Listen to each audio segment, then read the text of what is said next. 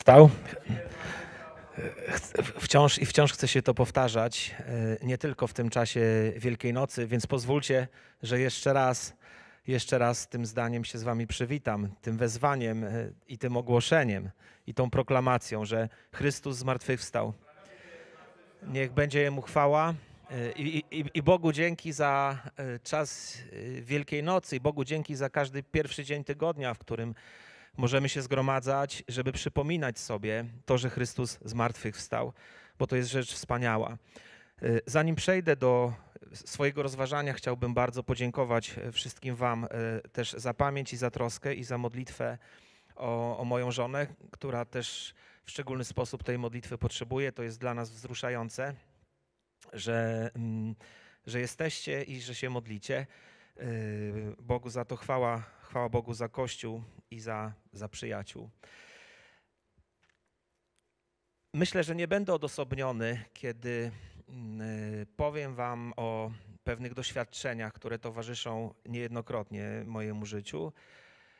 Zdarza się, że czasami pewne dźwięki, pewne melodie, a nawet zapachy budzą w mózgu, w sercu, nie wiem gdzie, jakieś bardzo miłe wspomnienia. Może to będzie trywialne i, i nieadekwatne do, do powagi nabożeństwa, mm, ale wiecie, od jakiegoś czasu yy, patrzę, jak rosną sadzonki pomidorów. I ostatnio przyłapałem się na czymś, co mnie bardzo zaskoczyło. Znaczy, kiedy poczułem zapach tych pomidorów intensywny, przypomniało mi się dzieciństwo, bo mój tato miał tunel foliowy. Jako dziecko nie za bardzo to lubiłem, bo musiałem tam z nim chodzić, pielić, wiecie, podlewać, wozić taką wodę w beczce ale ten zapach pomidorkowych krzaczków obudził we mnie niezwykle tkliwe wspomnienie mojego taty, który już od 20 lat nie żyje. E, pamiętam jako dziecko bardzo lubiłem jeździć do mojej babci. Babcia mieszkała w miejscowości Skępę na Kujawach. Miała małe mieszkanko, zaledwie kilkunastometrowe.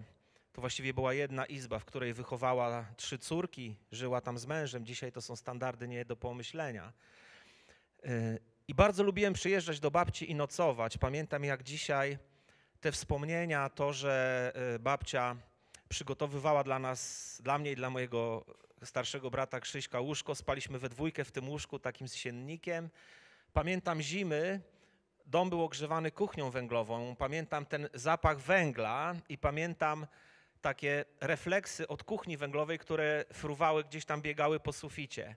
Pamiętam ten spokojny wieczór, kiedy w poczuciu bezpieczeństwa zasypiałem i pamiętam jak dzisiaj, że mm, e, tak naprawdę za szafy, bo ten pokoik był szafą przedzielony jakby na dwa pokoje, słyszałem jak babcia szepcze modlitwy. Ona zawsze wieczorem się modliła.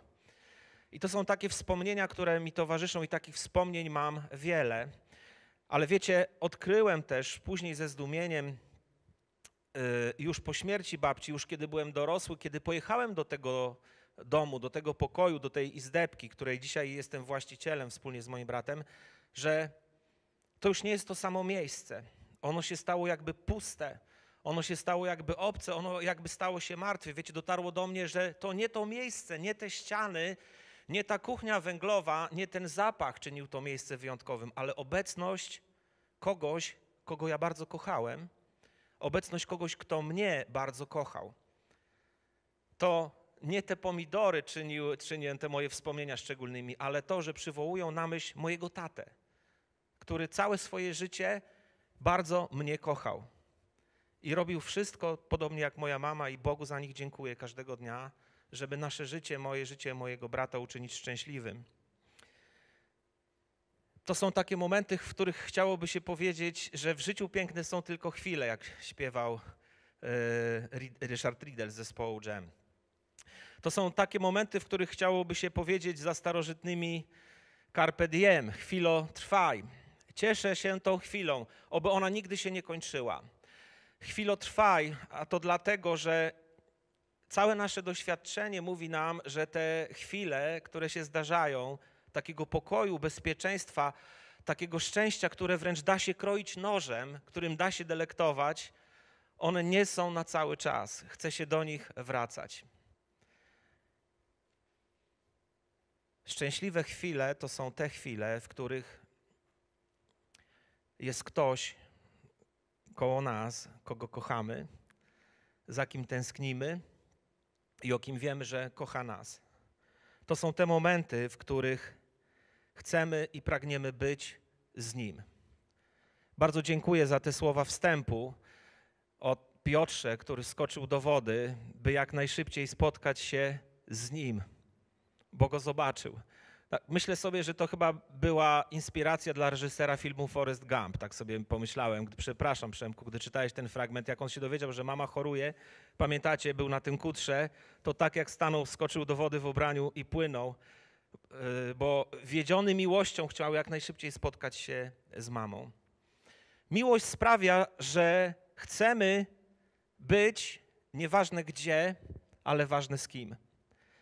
I jeszcze jedno zdanie wstępu. Pamiętam, gdy podekscytowani kilkanaście lat temu przystępowaliśmy z Jolą do budowy naszego domu. E, jak wielu, wielu młodych ludzi, zwłaszcza ludzi bez pieniędzy, mm, bardzo staraliśmy się zrobić wszystko tak, żeby było tam najlepiej. Rozważaliśmy, gdzie było okno, może zmienić, może coś poprawimy po architekcie, może piwnica, może, może lustrzane odbicie. I pamiętam architekta, który ten dom zaprojektował, on powiedział: Kochani, pamiętam taki starszy człowiek, to nie jest ważne, gdzie wy będziecie mieszkać. Ważne, z kim będziecie mieszkać. Ważne nie, jaki będzie ten dom, ale jacy wy będziecie dla siebie. Taka mądra rzecz od architekta, kto by się spodziewał. Tęsknimy za kimś. Chciałbym dzisiaj czytać z Wami Słowo Boże, które e, zapisane jest również w Ewangelii Jana. To słowo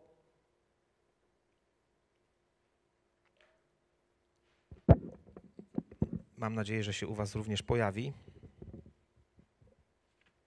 To jest Ewangelia według świętego Jana, 14 rozdział, wersety od pierwszego do szóstego. Wybrałem ten fragment dlatego, że jesteśmy, patrząc na kalendarz liturgiczny, w tym momencie, w którym Chrystus zmartwychwstał, ale jeszcze nie wstąpił do Ojca. Zastanawiałem się wielokrotnie, co on wtedy robił i po co, jaki był sens jego służby. Przeczytajmy Boże Słowo i później spróbuję wrócić do pytania, które zadałem. Ewangelia według świętego Jana, 14 rozdział. Jezus powiedział do swoich uczniów: Niech się nie trwoży serce wasze. Wierzycie w Boga i we mnie wierzcie. W domu Ojca mego jest mieszkań wiele. Gdyby tak nie było, to bym wam powiedział: Idę przecież przygotować wam miejsce. A gdy odejdę i przygotuję wam miejsce, przyjdę powtórnie i zabiorę was do siebie, abyście i wy byli tam, gdzie ja jestem. Znacie drogę. Dokąd ja idę? Odezwał się do niego Tomasz. Panie, nie wiemy dokąd idziesz, jak więc możemy znać drogę? Odpowiedział mu Jezus. Ja jestem drogą i prawdą i życiem. Nikt nie przychodzi do Ojca inaczej, jak tylko przeze mnie. Pomódlmy się. Wszechmogący Boże, który jesteś naszym życiem, naszą tęsknotą i naszą miłością, który dajesz nam swoje słowo, pobłogosław nas, słuchających i użyj mnie, Panie, jak glinianą skorupę. A Tobie niechaj będzie chwała i niech będzie pożytek ludziom, których nazwałeś swoim imieniem i których wybrałeś, aby Ci służyli i byli Tobie wierni. Amen.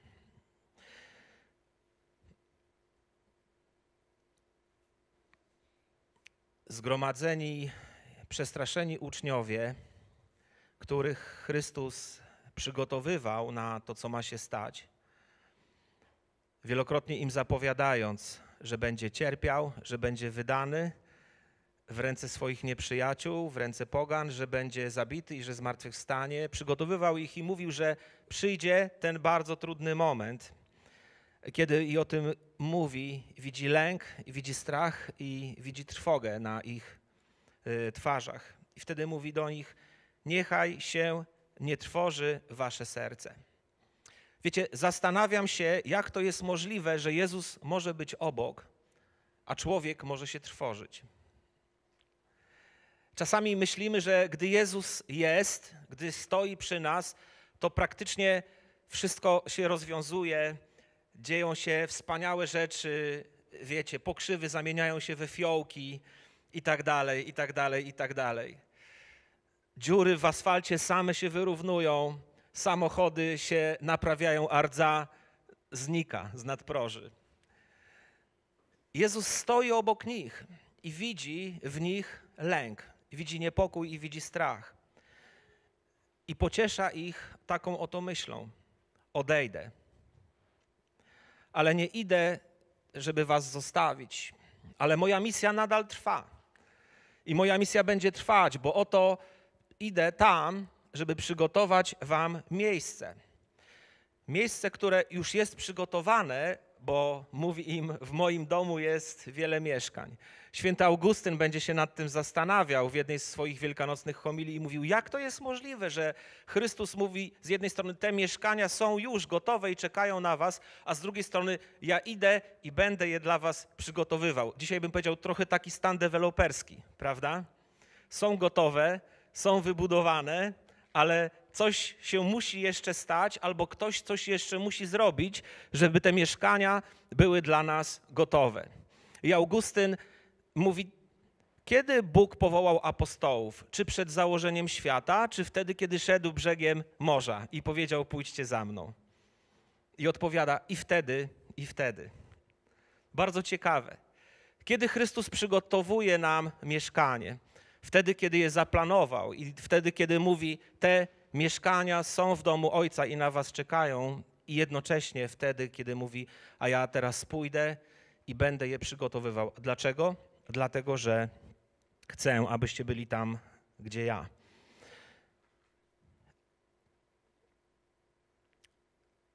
Myślę sobie, że ten czas pandemii, czas izolacji, tutaj niewielu, to może niezbyt doskonały, ale obraz pewnej rzeczywistości.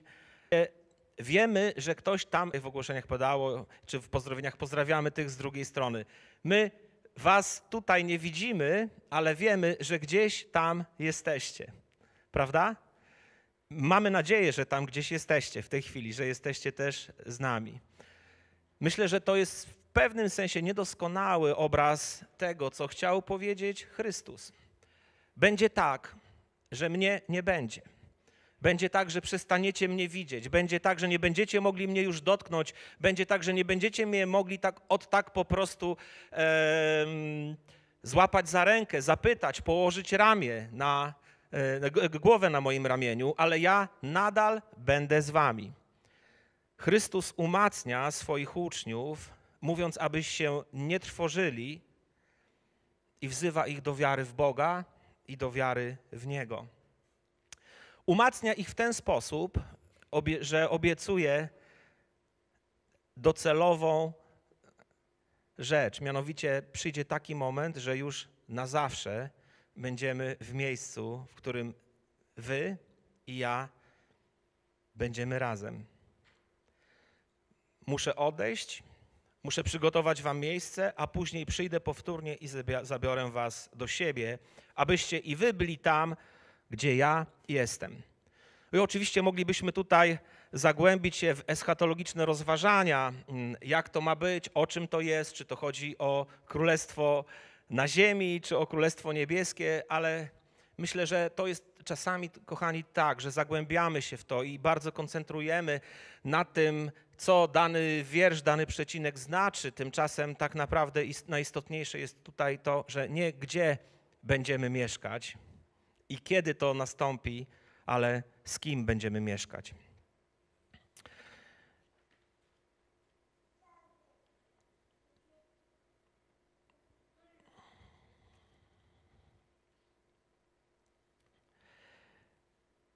Nasze życie na Ziemi, myślę, że tak naprawdę jest w pewnym sensie ciągłym poszukiwaniem nie tego miejsca, ale tej osoby. W piątek miałem możliwość być na bardzo, bardzo smutnym pogrzebie. W poniedziałek jedna z młodych dziewcząt, y, z którymi w Barczewie spotykamy się od lat, zginęła w wypadku samochodowym. Osiemnastolatka, z tyłu szesnastolatek wsiedli do samochodu z dziewiętnastolatkiem, który nie mając prawa jazdy i będąc pod wpływem al alkoholu, zabił te dwie młode osoby. Straszliwa rozpacz bliskich i pytania, które wszyscy sobie dzisiaj w Barczewie zadają, a które do nas docierają. Dlaczego Bóg tak zrobił? Dlaczego do tego dopuścił? Dlaczego ten kierowca, który to spowodował, przeżył, a tych dwoje niewinnych ludzi już nie ma? Przemawiając na pogrzebie Dominiki, odczytałem kilka wspomnień, które przygotowały jej koleżanki. I we wszystkich tych wspomnieniach, dosłownie w każdym z nich, była wyrażona wiara i przekonanie, że gdzieś, kiedyś tam się znowu spotkamy, zobaczymy.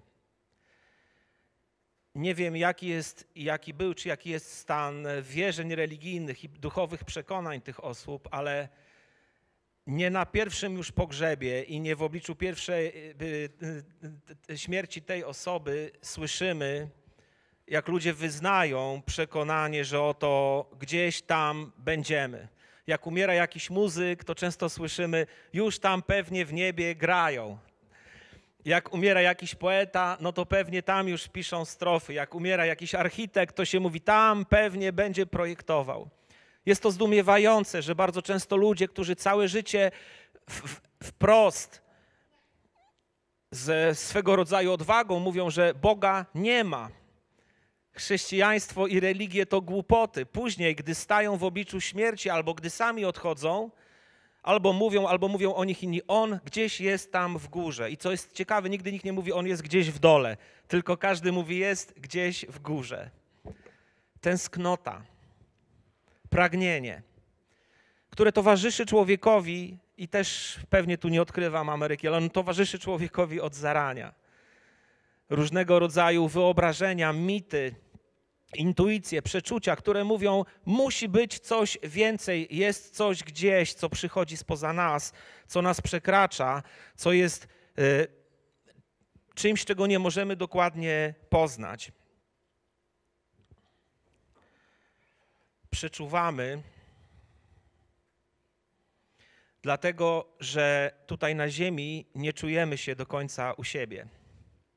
Jezus przyszedł na ten świat, towarzyszył apostołom, był z nimi, widzieli cuda, widzieli moc, którą poprzez niego manifestował Bóg, a jednak byli zatrwożeni, byli pełni lęku, pełni niepokoju.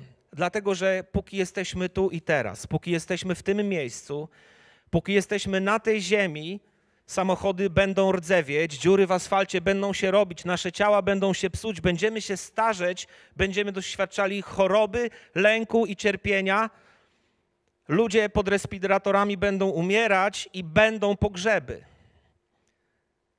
Ale Chrystus mówi: Przyjdzie taki dzień, przygotuje dla was taki dom, zbuduje takie mieszkanie i takie królestwo, gdzie bramy śmierci już nie przemogą. Tam nie dojdzie zło, tam nie dojdzie cierpienie, to będzie poza zasięgiem tego, co zrobiło na tym świecie zło i grzech.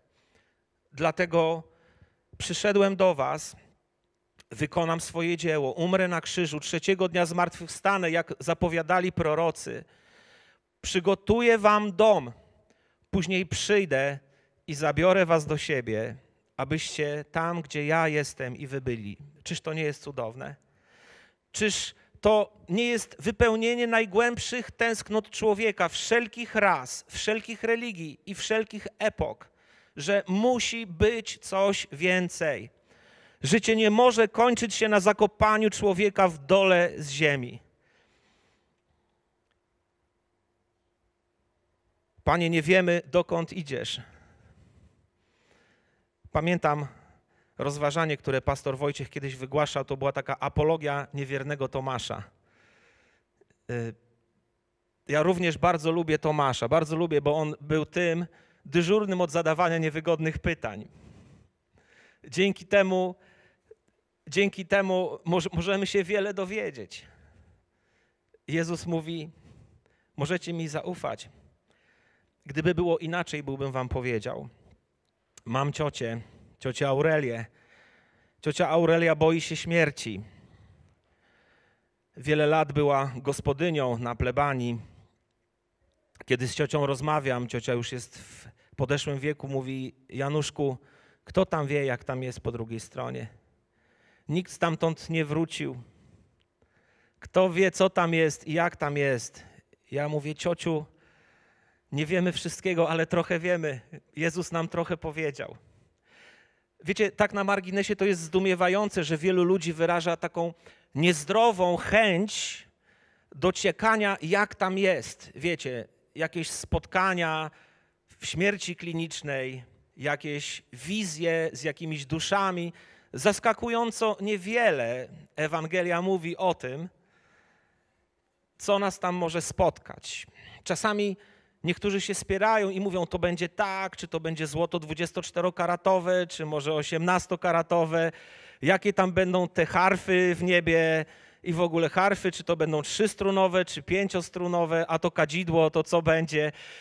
Pan Bóg mówi do nas poprzez obrazy, poprzez pewne znaki, poprzez pewne symbole, bo jak wypowiedzieć w ludzkim ograniczonym języku i w ludzkich pojęciach o tym, o czego nie da się wypowiedzieć.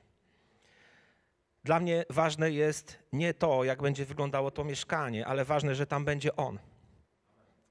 Bo go kocham, bo On mnie kocha. To mieszkanko mojej babci jest dzisiaj tylko zbiorowiskiem cegieł. Stoją jeszcze te meble, stoi ta kuchnia, ale tam już nie ma babci to nic nie znaczy. Świątynia Salomona, dopóki nie stąpiła Boża chwała, nie przyszła ta Boża szekinach, ta Boża obecność, była tylko kupą kamieni. A później, gdy chwała Boża odeszła, znowu stała się kupą kamieni, bo to On był ważny, bo to On jest ważny, a On jest niezniszczalny. I śmierć nie ma nad nim władzy, ani rdza, ani czas ni grzechu zło, ni ludzki sąd nie wyrwie mnie z Chrystusa rąk. A gdy mnie wezwie przed Twój tron, z radością pójdę tam, gdzie On. Aleluja.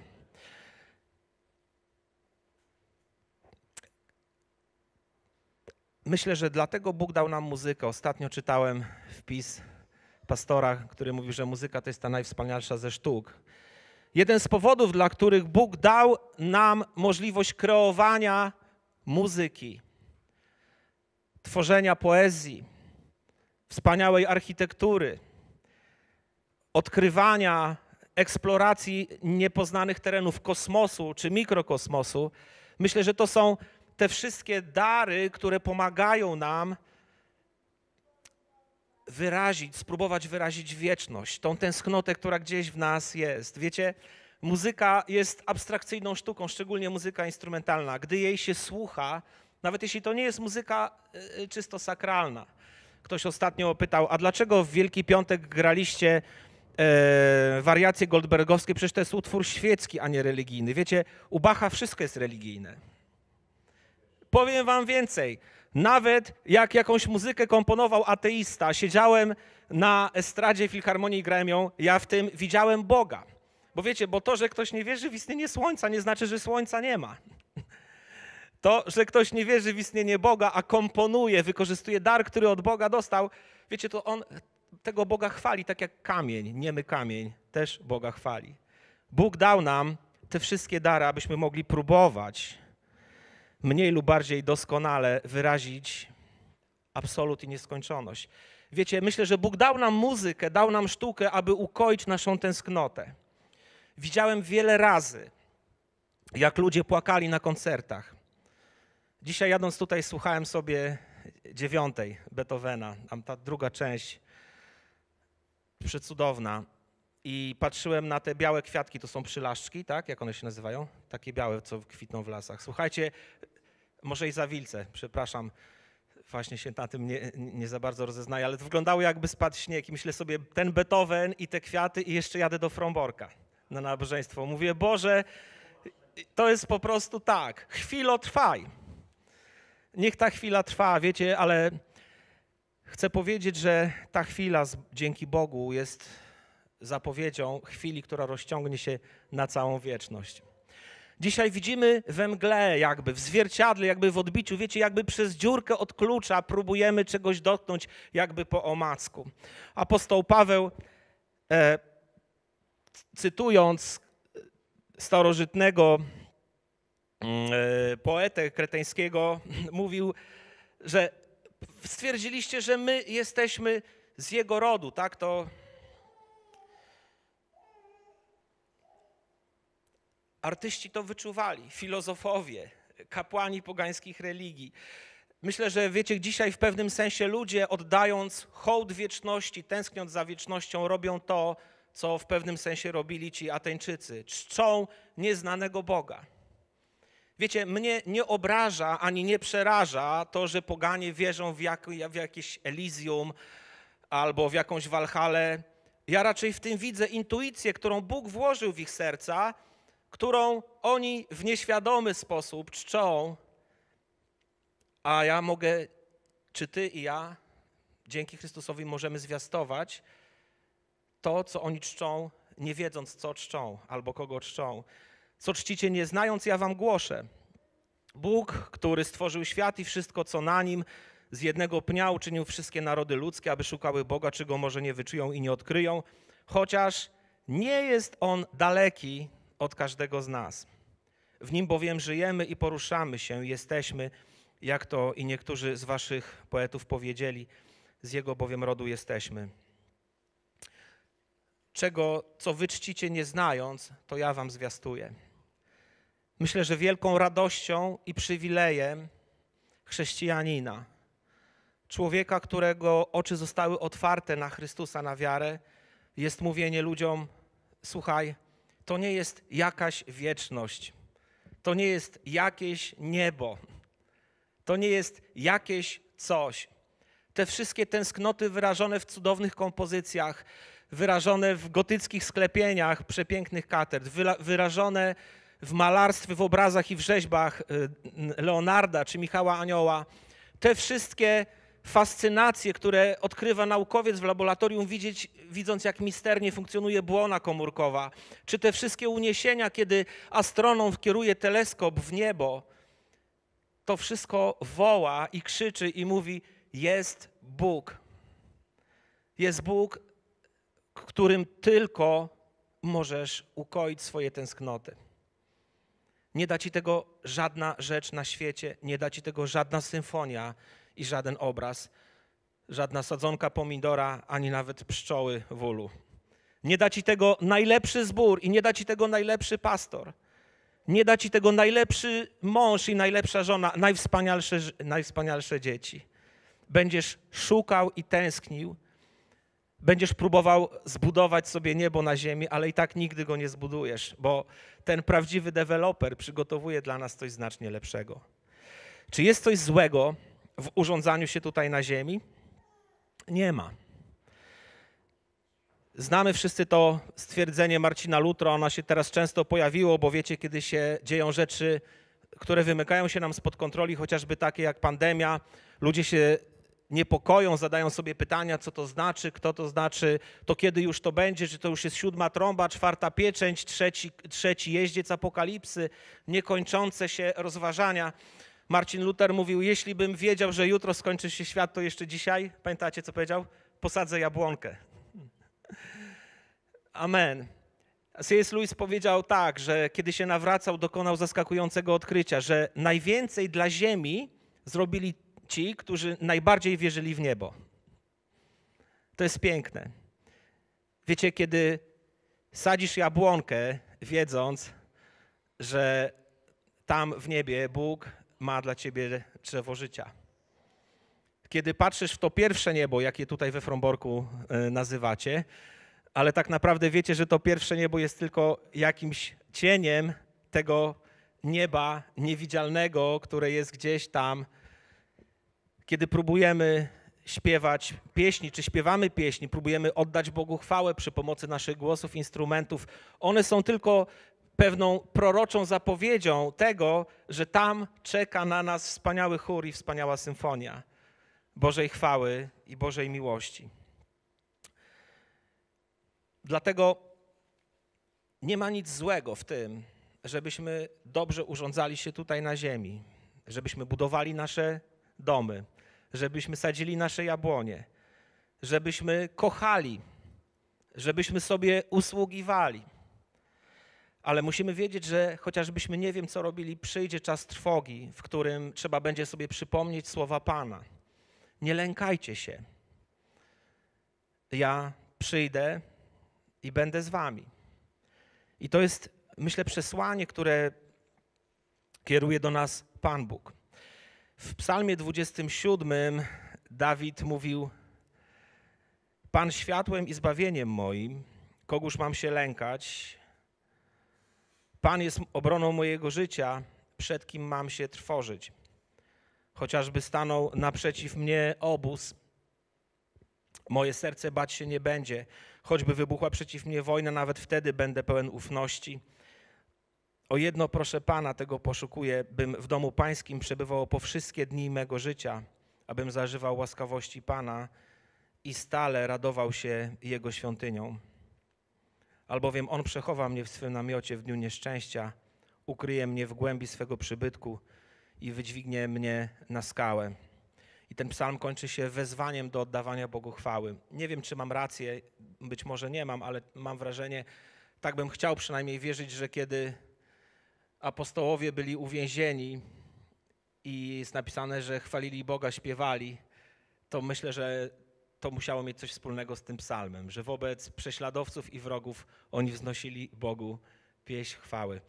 Wiecie, podobno gdy człowiek śpiewa, to nie, nie może się bać. Te dwa stany psychiczne się wykluczają, dlatego dowódcy każą żołnierzom śpiewać w natarciu do ataku. Bo śpiew, ten ośrodek w mózgu odpowiedzialny za śpiew powoduje wydzielanie się takich substancji, które niwelują działanie strachu. Ludzie, którzy się boją, nie potrafią śpiewać. Z kolei ludzie, którzy śpiewają, coraz mniej się boją. Psalmista wiedział, co pisze trzy tysiące lat temu. Wobec wrogów wstaję i śpiewam mojemu Panu. Kochani, jaka nauka i jaka lekcja płynie do nas? No, mianowicie taka, że w życiu piękne są tylko chwile, ale dzięki Bożej łasce i temu, co Chrystus uczynił, Bóg tę piękną chwilę rozciągnie na wieczność. Ponieważ u Boga jest jeden dzień jak tysiąc lat, a tysiąc lat jak jeden dzień, ja mogę Wam powiedzieć szczerze, ja żyję chwilą, która trwa wieczność Chrystusie. I to jest piękne. Żyj chwilą, nawróć się i żyj chwilą wieczności. Bogu niech będzie za to chwała. Kiedy apostołowie weszli na górę, zwaną Górą Przemienienia, i zobaczyli Chrystusa, Piotr powiedział coś, co no, no niektórzy mówią, że to taki, e, wiecie, no chłop nie wiedział, co mówi. On mówi, no to może jest miło, jest sympatycznie, rozbijmy tutaj namioty i po prostu już tutaj zostańmy. Wiecie, to tak jest. Jak jest gdzieś dobrze, to chcę, żeby to było, żeby to trwało jak najdłużej i żeby to się nigdy nie skończyło. Jak przychodzi Bóg, i ocierasz się Jego chwałę, Jego obecność, to później wiesz, że wszystko inne wydaje się tak blade, tak z niczym nieporównywalne. To jest taka dobroć, taka miłość, takie przebaczenie, takie odpocznienie, takie ukojenie i taka radość i taka euforia, te wszystkie stany i uczucia razem, że nic y, i nikt z tym nie może się równać. Pan Bóg zostawił nam swoją obecność, zostawił ją także w znakach, które nam daje. Będziemy za chwilę przystępować do stołu pańskiego i będziemy czytali słowa, w których Jezus mówi, że ja kiedyś będę z wami na nowo spożywał te wieczerze w domu Ojca. Ilekroć łamiemy chleb, ilekroć pijemy z kielicha, nie tylko zwiastujemy śmierć Pana. Ale również wyznajemy wiarę w Jego powtórne przyjście. Mówimy Maranata, mówimy przyjść Panie Jezu. To jest zapowiedź tego, co ma nastąpić. Wiecie, wspaniale jest świętować Wielkanoc. Wspaniale jest świętować i mówić Chrystus zmartwychwstał. Będziemy to zawsze robić, chcę to zawsze robić. Chcę tą wiarą, jeśli Bóg okaże łaskę, zarażać innych. Ale równie wspaniale jest wiedzieć, że mimo wiary w zmartwychwstanie mogą przyjść chwile trwogi. Ci, którzy z nim chodzili, kiedy zumarł, przelękli się i rozproszyli. A nawet kiedy zmartwychwstał, to powątpiewali. Ale Jego łaska, Jego moc przemogła ich niewiarę. I Piotr, który przestraszył się służącej, później rzucił się, jak to powiedział dzisiaj Przemek, rzucił się Boże ramiona. Nie wiem, co przyniesie nam jutro. Ile ty bądź ja doświadczysz cierpienia albo trwogi. Niewykluczone, że jej doświadczymy. Niewykluczone, że staniemy nad grobem jakiegoś młodego człowieka, który zginął w jakiś bezsensowny sposób z powodu lekkomyślności, nieodpowiedzialności. Niewykluczone, że przyjdzie ktoś do ciebie i powie, gdzie był Bóg, gdy to wszystko się działo, dlaczego nie odpowiada, dlaczego nie słyszy. Możesz mu powiedzieć, odpowiada i słyszy. Teraz właśnie przygotowuje dla mnie mieszkanie, abym był z nim tam, gdzie on jest. Jak napisała Natalia Niemen w swojej książce, bo niebo będzie później chociaż dzisiaj doświadczamy Jego przebłysków. Jezus odszedł, wstąpił do nieba i siedzi po prawicy Ojca, a jednocześnie jest z nami po wszystkie dni, aż do skończenia świata. Nie ma go z nami fizycznie, tak jak był przed swoim y, ukrzyżowaniem i zmartwychwstaniem, czy przed swoim w niebo wstąpieniem, a jednak jest z nami przez Ducha Świętego dokładnie w taki sam sposób, jakby był fizycznie. Jest tutaj obecny, jest obecny tam, gdzie jesteś, w swoim domu. Przychodzi do ciebie, wyciąga do ciebie rękę.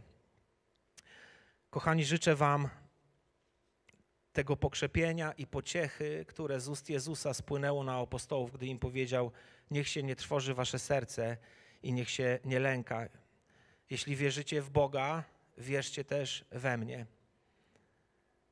Ja o was myślę, ja się o was troszczę, ja o was pamiętam i przygotowuję wam miejsce, bo gdyby było inaczej, to byłbym wam powiedział.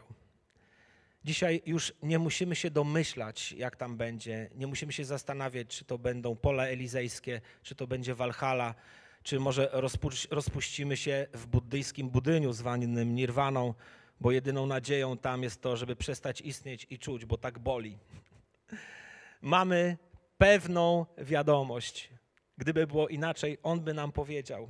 On nam powiedział, jak jest. Prowadzi nas do wieczności, prowadzi nas do życia na wieki w miejscu, które będzie poza zasięgiem zła i cierpienia. Chciałbym, abyśmy na zakończenie mojego rozważania przynieśli, jeśli pastorze pozwolisz, w modlitwie ludzi, którzy cierpią w tej chwili. Ludzi, którzy zmagają się ze strachem, z lękiem i z wątpliwościami, czy Bóg naprawdę jest dobry i czy w ogóle istnieje. Chciałbym, żebyśmy przynieśli tych ludzi, prosząc Boga, aby dotarło do nich słowo, które wypowiedział tam w Górnej Izbie do apostołów. Nie trwóżcie się, wierzcie w Boga i we mnie wierzcie. Módlmy się o łaskę wiary, o posilenie, o pokrzepienie dla tych wszystkich ludzi. Tyle wokół nas dzisiaj cierpienia, lęku, strachu, depresji, a w Słowie i w Bożych obietnicach tyle nadziei i tyle zwycięstwa. Wszechmogący Panie i Boże, dziękuję Ci, że Tobie się upodobało nas zbawić i Tobie upodobało się zabrać nas do domu Ojca. Tu i teraz, choć jest pięknie, choć wspaniale, mamy muzykę, mamy kwiaty, mamy niebo. Wiemy, że jesteśmy tylko przychodniami, jesteśmy na chwilę. Dobry Boże, współczujemy tym wszystkim osobom, które dzisiaj tej wiary w sobie nie odnajdują. Współczujemy tym, którzy związani kłamstwem doświadczają wszelkiego rodzaju lęku, strachu. Cierpią i nie ma kto obetrzeć ich łzy.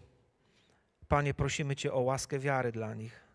Prosimy Cię, abyś otwierał oczy naszych bliskich, tych wszystkich, którzy doświadczają lęku, cierpienia, samotności, do których nieprzyjaciel mówi: Nie ma nadziei, wszystko, co Cię może spotkać, to tylko śmierć i niekończąca się rozpacz. Boże, Ty zmartwychwstałeś. Ty masz klucze śmierci i piekła. W Tobie jest zwycięstwo, w Tobie jest nadzieja, w Tobie jest pokrzepienie. Udziel pokrzepienia tym wszystkim, pośród których nam przyszło żyć.